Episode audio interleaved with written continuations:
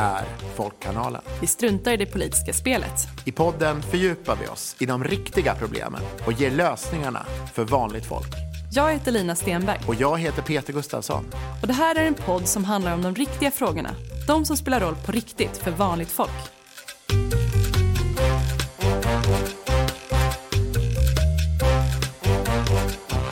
Hej och välkomna till ett nytt avsnitt av Folkkanalen. Idag tar vi oss an hur högerns stormtrupper vill privatisera mera. Och med mig idag för att gräva djupare i det här är min podcastkollega Lina Stenberg. Hej Lina! Hej Peter, nu är vi tillbaka. Ja, Lina, du står ju för researchen till det här avsnittet och vi ska ju prata då om högerns stormtrupper som vill privatisera mera och du har fördjupat dig i det här. För en vanlig människa kanske det känns lite väldigt avlägset. Varför ska vi titta närmare på det här? Ja, alltså så här. Eh, ofta så låter det ju ganska positivt i den allmänna debatten när vi pratar om det här med valfrihet i välfärden, att man ska kunna välja. Att så här, Tycker jag att den här vårdcentralen är lite dålig så kanske jag kan söka mig till en annan. Eller är det inte bra att kunna välja vilken skola jag vill gå i eh, eller mina barn ska gå i eller vilken äldreomsorg som mina äldre föräldrar ska ha och så vidare. Eh, och jag tänker att vi behöver prata om att det här inte stämmer. Alltså det handlar inte om valfrihet, för det första. Um, och Sen vill jag faktiskt dra ganska stora växlar på det här kopplat till demokrati. Ehm, alltså anledningen till, jag ska säga det också, anledningen till att vi, liksom, jag fördjupade mig till det här var att jag var med i ett eh, panelsamtal i veckan som Almega höll. Som liksom gick ut på att diskutera vad ska vi privatisera ytterligare. Ehm, och um, ja, i, i, i den här retoriken så, så, så är det väldigt mycket som kommer tillbaka som egentligen har funnits ja, men sen 90-talet, liksom, kring, kring allt det här positiva kring, kring privatiseringar. Men det som jag vill prata om är ju då att eh, valfriheten är helt fine. Det handlar inte om det. Det handlar om demokrati, det handlar om kvaliteten i välfärden och det handlar om arbetsvillkoren för de som jobbar där. Eh, alltså I en demokrati så är det ju så här att politikerna eh, väljer vi. Eh, de är, vi är en representativ demokrati så vi väljer politikerna som ska styra vårt samhälle och det gäller ju på nationell, regional och kommunal nivå. Eh, och det är ju de som då styr välfärden. Eh, och när någonting inte riktigt är som det ska så ska vi kunna ställa dem till svars. Eh, tycker vi att till exempel en skola är dålig så ska vi kunna rösta eh, på våra politiker så att det liksom förändras. Det är själva tanken kring hur vårt demokratiska samhälle är uppbyggt. Eh, men det finns också då andra typer av liksom möjligheter i en demokrati. Att eh, man har remissrunder, man har ja, någon slags ex expertråd, eh, man har dialoger, man har liksom input i processerna som gör att vi tillsammans styr välfärden. Eh, och det här med att också eh, ställa till svars, det kallas för ansvarsutkrävande och det är en väldigt, väldigt viktig del av demokratin. Här ingår ju också det här med att till exempel media kan rapportera när någonting är fel eller där det finns oegentligheter. Samma sak också med visselblåsare inom organisationer. Det har vi sett många gånger. Eh, anställda eller till exempel patienter som rapporterar om saker som inte blir rätt. Och Det här kan då leda till förbättringar. Det är liksom själva tanken. Men när företag kommer in i bilden så blir det här helt annorlunda. Företag har inte något ansvar mot medborgarna. Företag, företag har ansvar gentemot eh, styrelse och ägare. Företag har ett överordnat mål om vinst. Det är liksom inbyggt. Och Det är det här som på något sätt blir grundproblemet. Att för vår välfärd, och, bara för att liksom definiera välfärd, för det är ett ganska stort och brett begrepp. Det handlar om liksom vård, eh, det handlar om skola, det handlar om äldreomsorg, barnomsorg, det handlar om eh, lokaltrafik, det handlar om våra vägar, det handlar om liksom allt det som knyter ihop vårt land kan man säga. Eh, den är ju fortfarande demokratiskt ägd, alltså genom medborgarna, eh, genom liksom, det demokratiska systemet och via skattepengarna. Så vi betalar ju allihopa till det här systemet så att det ska fungera. Men eh, när, när de här eh, välfärdssystemen säljs ut och privatiseras så blir det ju icke-demokratiskt styrt. Det vill säga, de styrs av företag. Och det här är en konflikt. Det här är liksom en grundläggande eh, problematik. Eh, för att det finns ju fortfarande de som då är offentligt styrda och offentligt utförda. Och det finns en, en differens här som är, eh, som är viktig att prata om. Eh, och jag, jag, är statsvetare från Lund. Ehm, här i, där jag pluggade fanns en husgud som hette Lennart Lundqvist. Han skriver om demokratins väktare. Och I det här begreppet ingår att både politikerna som, ja, men som styr välfärden, som styr landet eh, Eh, men också tjänstemännen som har då lojaliteten mot eh, det som politiskt har beslutats. Eh, den lojaliteten eh, förskjuts när någonting privatiseras, när det blir ett företag som lojaliteten plötsligt handlar om istället. Och det rubbar demokratin. Det här, det här är någonting som är alltså, grundläggande problematiskt. Det blir en, en skev balans. Um, och återigen bara till det här med valfriheten. Jag vill bara poängtera det. för att Det är en myt uh, som vi behöver slå hål på. Um, jag har inte möjlighet att, att, välja fritt vilken skola mina barn går i. Uh, du kan inte välja exakt vilken äldreomsorg dina föräldrar hamnar på och så vidare. Du kan önska att välja. Det säger sig självt att alla i Sverige kan inte välja samma skola eh, till sina barn. Det funkar inte eh, praktiskt. Det är fortfarande närhetsprincipen som styr eller andra principer som då beslutas politiskt. Ehm, och det här gör att den här valfriheten, den finns inte egentligen. Just det. Och det ska man säga till läsarna också att när du säger att du var på ett seminarium den här veckan så var det veckan som vi spelar in det här avsnittet. Det kommer sändas några veckor efter eh, det. Men ja, nu har jag sagt ganska mycket här om, om eh, privatiseringarna men ändå lite grann, vad, blir konsekven, vad har konsekvenserna blivit av privatiseringarna i Sverige?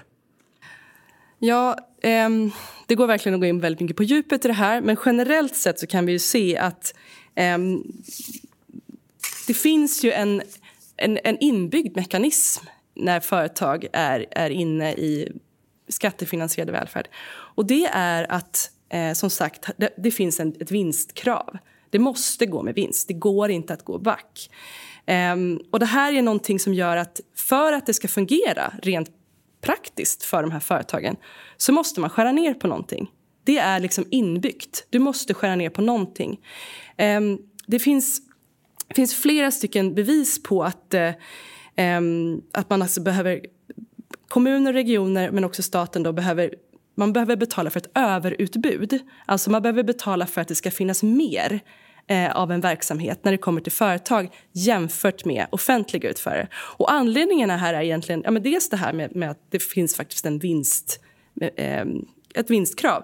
Men det handlar också om att exempelvis då om, om ett företag ehm, eh, har en verksamhet där det, där det i teorin krävs ett visst antal anställda då betalar ju det offentliga betalar ju för de anställda.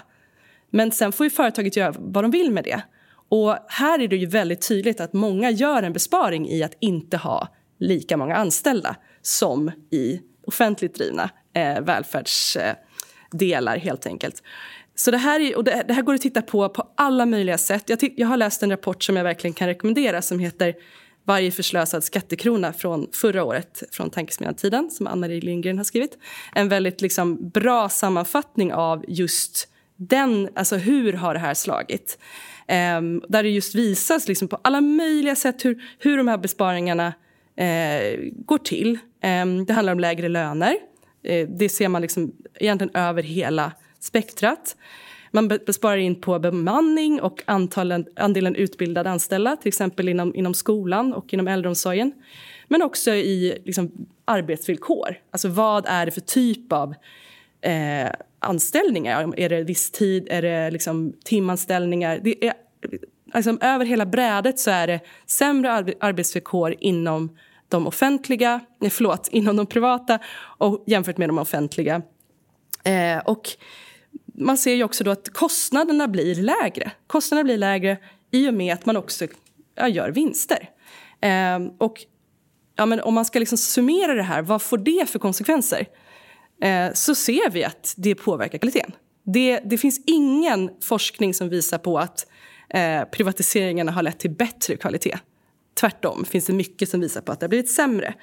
Eh, och några sådana är ju att ja, men, vi vet att skolsegregationen har ökat eh, som en väldigt tydlig konsekvens av privatiseringarna. Eh, där skolor... Eh, ja, men, vi, vi gick igenom det här mycket mer i, i avsnittet om marknadsskolor.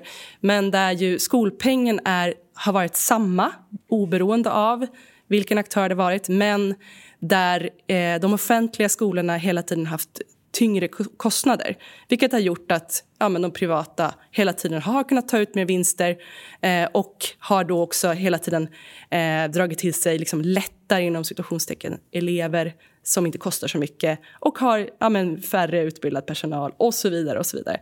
Eh, så det här det är, liksom, eh, det är det ena. Sen har ju den här skolsegregationen också väldigt tydligt hängt ihop med en boendesegregation. Det kan vi också se genom forskningen.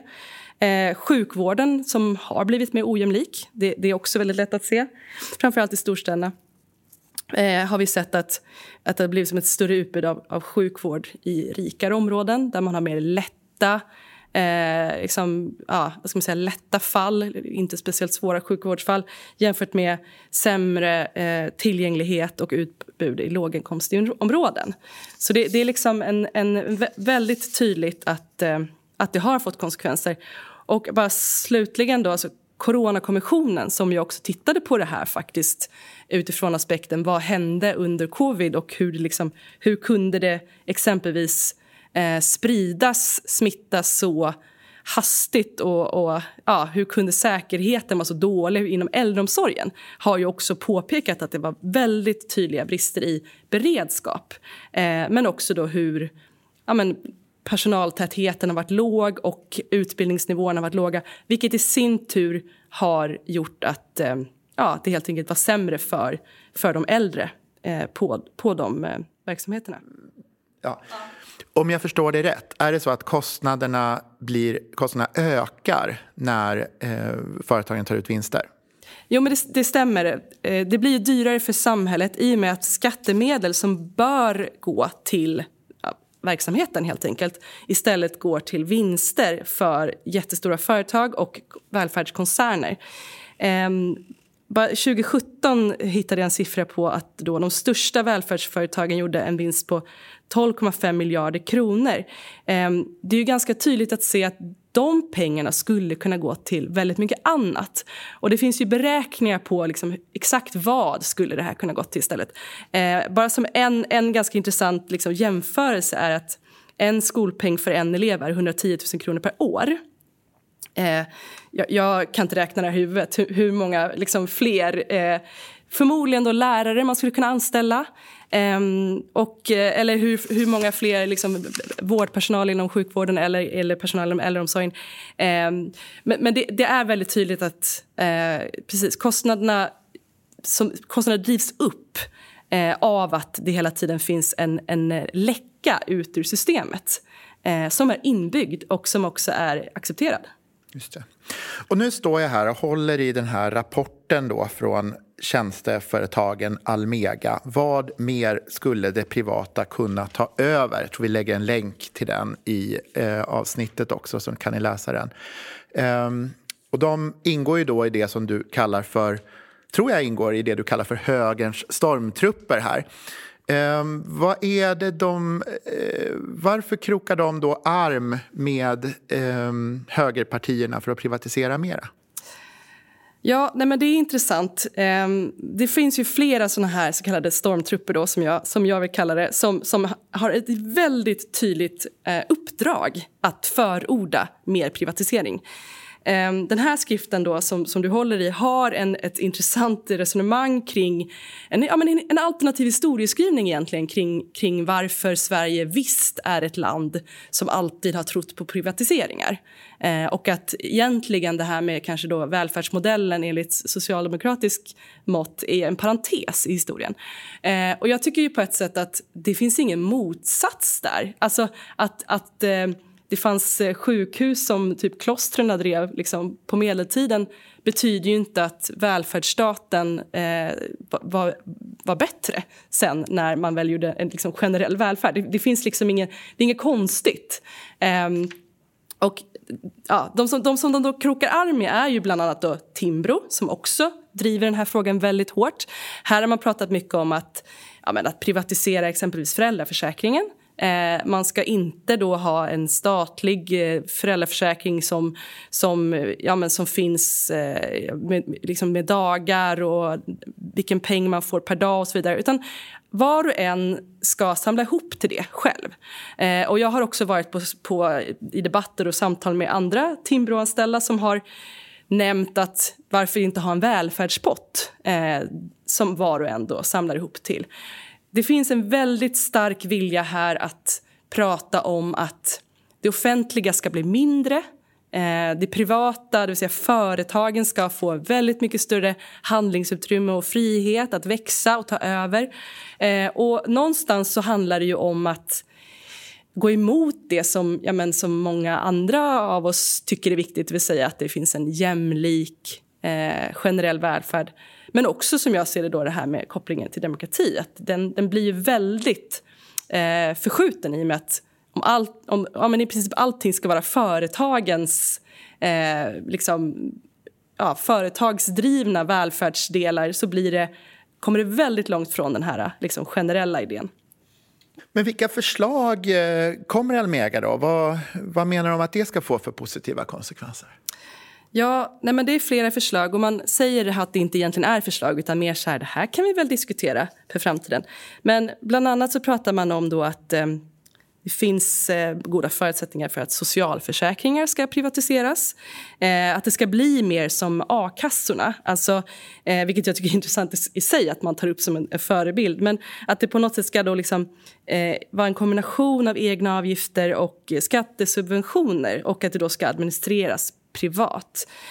Um, det här är också intressant utifrån att högern ofta pratar om att det här är liksom bidrag. Ehm, men här är man ändå lite ja, men inne på att det, är inte, ja, det, det, ska, det ska bli väldigt mycket mer liksom, privat, helt enkelt. Ehm, man är också inne på det här med högre utbildning, att det bör privatiseras, gärna enligt någon liksom amerikansk modell. Och här har man en tanke om att man ska kunna liksom sälja ut eller att det ska kunna investeras eh, av företag som har mål att göra dem till universitet i världsklass. Och eh, jag tänker att när, när, när vi hör det här så tänker vi kanske att ja, hur kan ett företag eh, liksom garantera det eh, och inte ha andra syften också med det. Eh, men också sam, liksom göra samarbeten med företag mycket tydligare. Och jag tänker att en effekt av det är ju väldigt tydligt att eh, det blir mycket dyrare. Eh, och de har också exemplen från USA att man tycker att det är ett föredöme och sen kan det finnas liksom stipendiemekanismer och så vidare. Men ja, idag har vi en, en, liksom en, en, alla har samma möjligheter att kunna studera och det är gratis. Liksom. Um, sen har de också, uh, just det, sen har de också en tanke om att just lärarutbildningen borde säljas ut. Uh, och där är argumentet att uh, som det är så låg liksom, ansökningsfrekvens till lärarutbildningen att det finns en möjlighet att liksom, förbättra den och att det skulle då företag kunna bidra till. Eh, sjukvården på ett bräde borde säljas ut. Eh, här har man också exempel från två länder, och det är Nederländerna och Schweiz. Och framförallt då Nederländerna har man en, en, en idé om att... För där, där finns det alltså en, ett tvång på sjukförsäkring, eh, privat sjukförsäkring. Och någonstans känns det som att det blir ju väldigt mycket så här USA där också. Alltså, eh, tvingas individer ha sjukförsäkring eh, Ja, det är klart att om du betalar eh, väldigt mycket för din sjukvård så kan ju den också vara mycket mer tillgänglig. Det, det säger sig självt. Eh, det blir också ett liksom, utbudet blir större. Du kommer få förslag på att få väldigt många mer behandlingar av, av en vinstdrivande sjukvård. Så att, ja, där, där ligger liksom också i... Eh, men det, det, vill man också eh, förorda. Man tycker att motorvägarna ska säljas ut. Eh, vägarna behöver bli bättre och det här är då ett sätt att finansiera att vägarna ska bli bättre. Eh, Kanske mer aktuellt i, liksom, på landsbygden än i storstäderna men ändå någonting som då ska kunna... Ja, men man ska helt enkelt betala för att åka på vägarna. Um, samma sak ska gälla för järnvägar, också med argumentet att idag så är järnvägarna så dåligt eh, utbyggda och att det behöver renoveras. Och att, ja, eh, det här blir också då konsekvensen att ja, det blir dyrare helt enkelt att åka tåg. Man vill att eh, flygplatser ska eh, privatiseras. Ehm, nu är det ju liksom ett statligt bolag som, som har fly, flygplatserna. Eh, sophanteringen bör privatiseras. Eh, det är en riktigt lång lista alltså, som de då presenterar till högermajoriteten i Sveriges riksdag. Eh, vad är det då för samhälle de vill uppnå med det här? Och vad skulle hända om de här förslagen genomfördes? Ja, men någonstans är det ju en idé om att skattekvoten ska bli lägre i Sverige. Alltså, vi ska inte ha en stat som, som liksom eh, är överordnad och som ja, men enligt deras eh, mening då styr oss, som kontrollerar oss, som bestämmer vad vi får och inte får göra. Utan det ska vara individer som, får, som själva kan bestämma, men också då betala för det. Um, och det här är liksom en, en, en, väldigt stark liberal idé om frihet, helt enkelt. Det är väl liksom det överordnade. Sen handlar det såklart om att det är företag som ska kunna göra vinster. Uh, inte så förvånande på det här, också det här samtalet så var ju eh, organisationen Företagarna där och var väldigt nöjda med det här samtalet. Det här är ju någonting som, ja men, här går verkligen liksom kapitalet ihop eh, och med liksom högerpolitiker i att, ja men att helt enkelt Eh, få så mycket som möjligt, eh, liksom, marknaden som ska styra. Eh, vad de här förslagen kommer leda till, om de genomförs eh, är ju precis allt det jag har nämnt tidigare som har hänt men multiplicerat ett antal gånger. Alltså det är ganska lätt att se att i och med att välfärden redan idag eh, så pass mycket är privatiserad och att vi ser konsekvenser eftersom det har pågått nu under några decennier så kan vi se att ja, men allt det som handlar om ojämlikhet, segregation, eh, ja, men dyrare välfärd men också då ja, men sämre välfärd för vissa eh, ja, det kommer ju bara ökas på. Um, så att det här är ju egentligen ingenting som... Ja, det här är ingenting som egentligen är bra vare för sam samhällsekonomiskt eller för eh, medborgarna. Vi ser en möjlig början till en ny privatiseringsvåg. alltså. Men vad ska man göra istället då för de här privatiseringarna? Ja, men som ett exempel så eh, håller man på i Region Stockholm med att eh, Alltså, den politiska ledningen i Region Stockholm håller på med en process kring eh, återdemokratisering av välfärden, alltså en, en, en form av avprivatisering. Här, här handlar det om att eh, det är över 40 vårdval eh, väldigt extremt i den svenska kontexten eh, som har gjort att det har blivit väldigt stora ojämlikheter inom vården.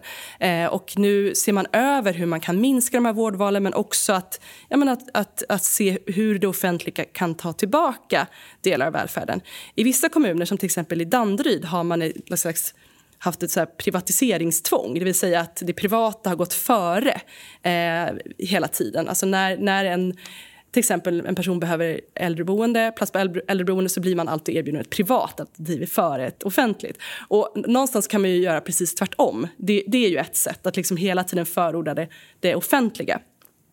Um, men jag tänker också att det finns flera andra saker att göra. Det, alltså, det, det, vi behöver göra är ju att, att se hur det här hänger ihop med ja, men, det, det, vi faktiskt betalar för. Alltså, vi betalar som skattebetalare till det offentliga eh, och vi behöver se över dess effektivitet. Så jag tänker att det här är ju väldigt viktigt att ha en sån diskussion, tänker jag. Eh, och också då vilka som vinner privat på privatiseringarna, det vill säga i väldigt stor utsträckning välfärdsföretagen, eh, de här eh, riskkapitalbolagen, men också faktiskt väldigt många utländska investerare som är inne och eh, ja, men får utdelning av det här. Så det, det, är också pengar som läcker ut ur det svenska systemet. Sen är väl mycket av alternativ, om man tänker mycket av de här sakerna som de pratar om som skulle vara fördelar med det privata. Det handlar ju också om att på något sätt, något måste, ju, på något sätt måste det ju finansieras. Eh, man kan ju också tänka sig att finansiera till exempel en bättre sjukvård eller bättre vägar eller så genom att de rika betalar mer i skatt till exempel. Absolut. Det finns ju många olika typer av modeller som vi skulle kunna diskutera istället. Och jag tänker att om vi, om vi tittar på exempelvis då, ja men, de här faktiska pengarna och gör modeller för vad vi skulle kunna få för välfärd istället för de pengarna istället för att de slinker ut ur systemet och hamnar i liksom rika människors fickor.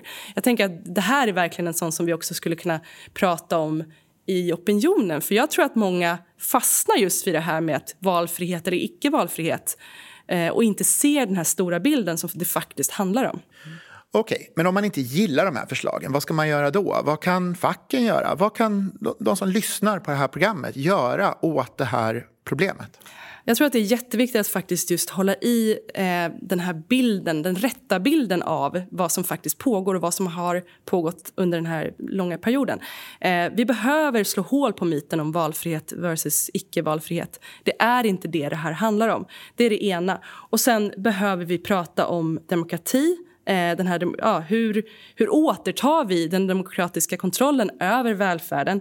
Eh, och hur gör vi den faktiskt bättre kvalitetsmässigt och eh, ja, men, mer effektiv. Eh, jag tror att det är väldigt viktigt att fortsätta prata om att vi behöver mer resurser i välfärden. exempelvis. Eh, det här med att regeringen nu i höstbudgeten har lagt 10 miljarder till Sveriges kommuner och regioner istället för 30 miljarder som bara behövs för att upprätthålla samma nivå som hittills. Eh, Precis, för inflationen och för pensionskostnader och så vidare. Det här är ju det är extremt viktigt att, att inte gå med på att välfärden liksom sugs ut. För det gör också att argumentationen kring att privata utövare faktiskt behövs, att, att, de, liksom, att, att de, de kan vinna den debatten lättare det, det säger sig självt att när den, den offentligt drivna välfärden inte har tillräckligt med resurser, ja, då blir den också sämre. Eh, och då kan företag gå, liksom, med de här pengarna också gå ut i både lobbykampanjer men opinionskampanjer och, och prata om varför de här privata eh, alternativen är, är bättre. Så det, här, ja, det, det, är en väldigt viktig grund i det här. Eh, när jag tänker på så fackens roll är också enormt viktig. Jag tänker att här finns det också, eh, alltså vi behöver lyfta arbetssituationer, vi behöver lyfta hur det här drabbar den enormt stora gruppen svenskar som faktiskt jobbar inom välfärden. Eh, inte bara liksom brukare, vårdtagare, patienter, elever som ju också drabbas, men verkligen också arbetsvillkoren. För att när vi drar ner på eh, ja, men både då politiskt nu drar ner på kostnaderna till välfärden men också då hur privata hela tiden ser till att ligga under de offentligt drivna. Eh, här behövs facket mer än någonsin. Jag tänker att diskussionen om karens, karensavdraget är jätteviktigt. Eh, det är också en sak som vi vet drabbar framför allt eh, anställda inom, inom vård och omsorg. Att, att ja, men inte ha råd att eh, vara sjuk och så vidare. Lönefrågan är jätteviktig här. Vi vet att lönerna borde ha ökat mycket mer än vad de gör i de här sektorerna. Men det är så underfinansierat och som sagt inom det privata så är man nästan i alla fall eh, har man lägre, lägre löner. Så att, eh, det finns jättemycket att göra. Och jag tror verkligen det är superviktigt att också hålla i den här frågan. Speciellt nu när högern liksom vädrar morgonluft i att just utöka antalet privatiseringar och se att det vi har nu är inte bra. Vill vi utöka det och göra det ännu mer? Nej, det vill vi inte. Det här måste vi prata om. Tack så hemskt mycket, Lina. Det här har varit väldigt intressant. Jag tror att vi alla kan bidra till att vara med och faktiskt stoppa den här nya privatiseringsvågen som man ändå kan befara att det kommer eh, till följd av det här. Vi kan läsa på, vi kan prata med våra vänner, grannar, kollegor och, och, helt enkelt läsa på och bilda opinion kring det här. Och för den diskussionen behöver fortsätta. Och du som lyssnar är välkommen att kommentera i våra sociala kanaler vad du tycker om högerns stormtruppers vilja att privatisera mer. Vi vill gärna läsa vad du tycker och vi läser alla kommentarer, svarar vi den utsträckning vi hinner med. Ja, Lina, har du något medskick till lyssnarna? Ja, nej, men det, det, handlar ju om det här att, att faktiskt eh, inte, eh, inte, vad ska man säga, inte backa en tum i de här frågorna. Eh, att eh, hela tiden ha koll på vad som är liksom, sanning och vad som är eh, vad ska man säga, högerns propaganda för att eh, få det här att handla om någonting helt annat. Ja, och vill du höra mer av Folkkanalen kan du såklart också lyssna på våra tidigare avsnitt, till exempel om Marknadsskolan som Lina nämnde. Men se också till att prenumerera så du inte missar våra kommande avsnitt. Tack så hemskt mycket. Tack, och vi hörs senare. Du har lyssnat på Folkkanalen en podd för vanligt folk. Folkkanalen görs av Lina Stenberg och Peter Gustafsson. Och vi finns där poddar finns.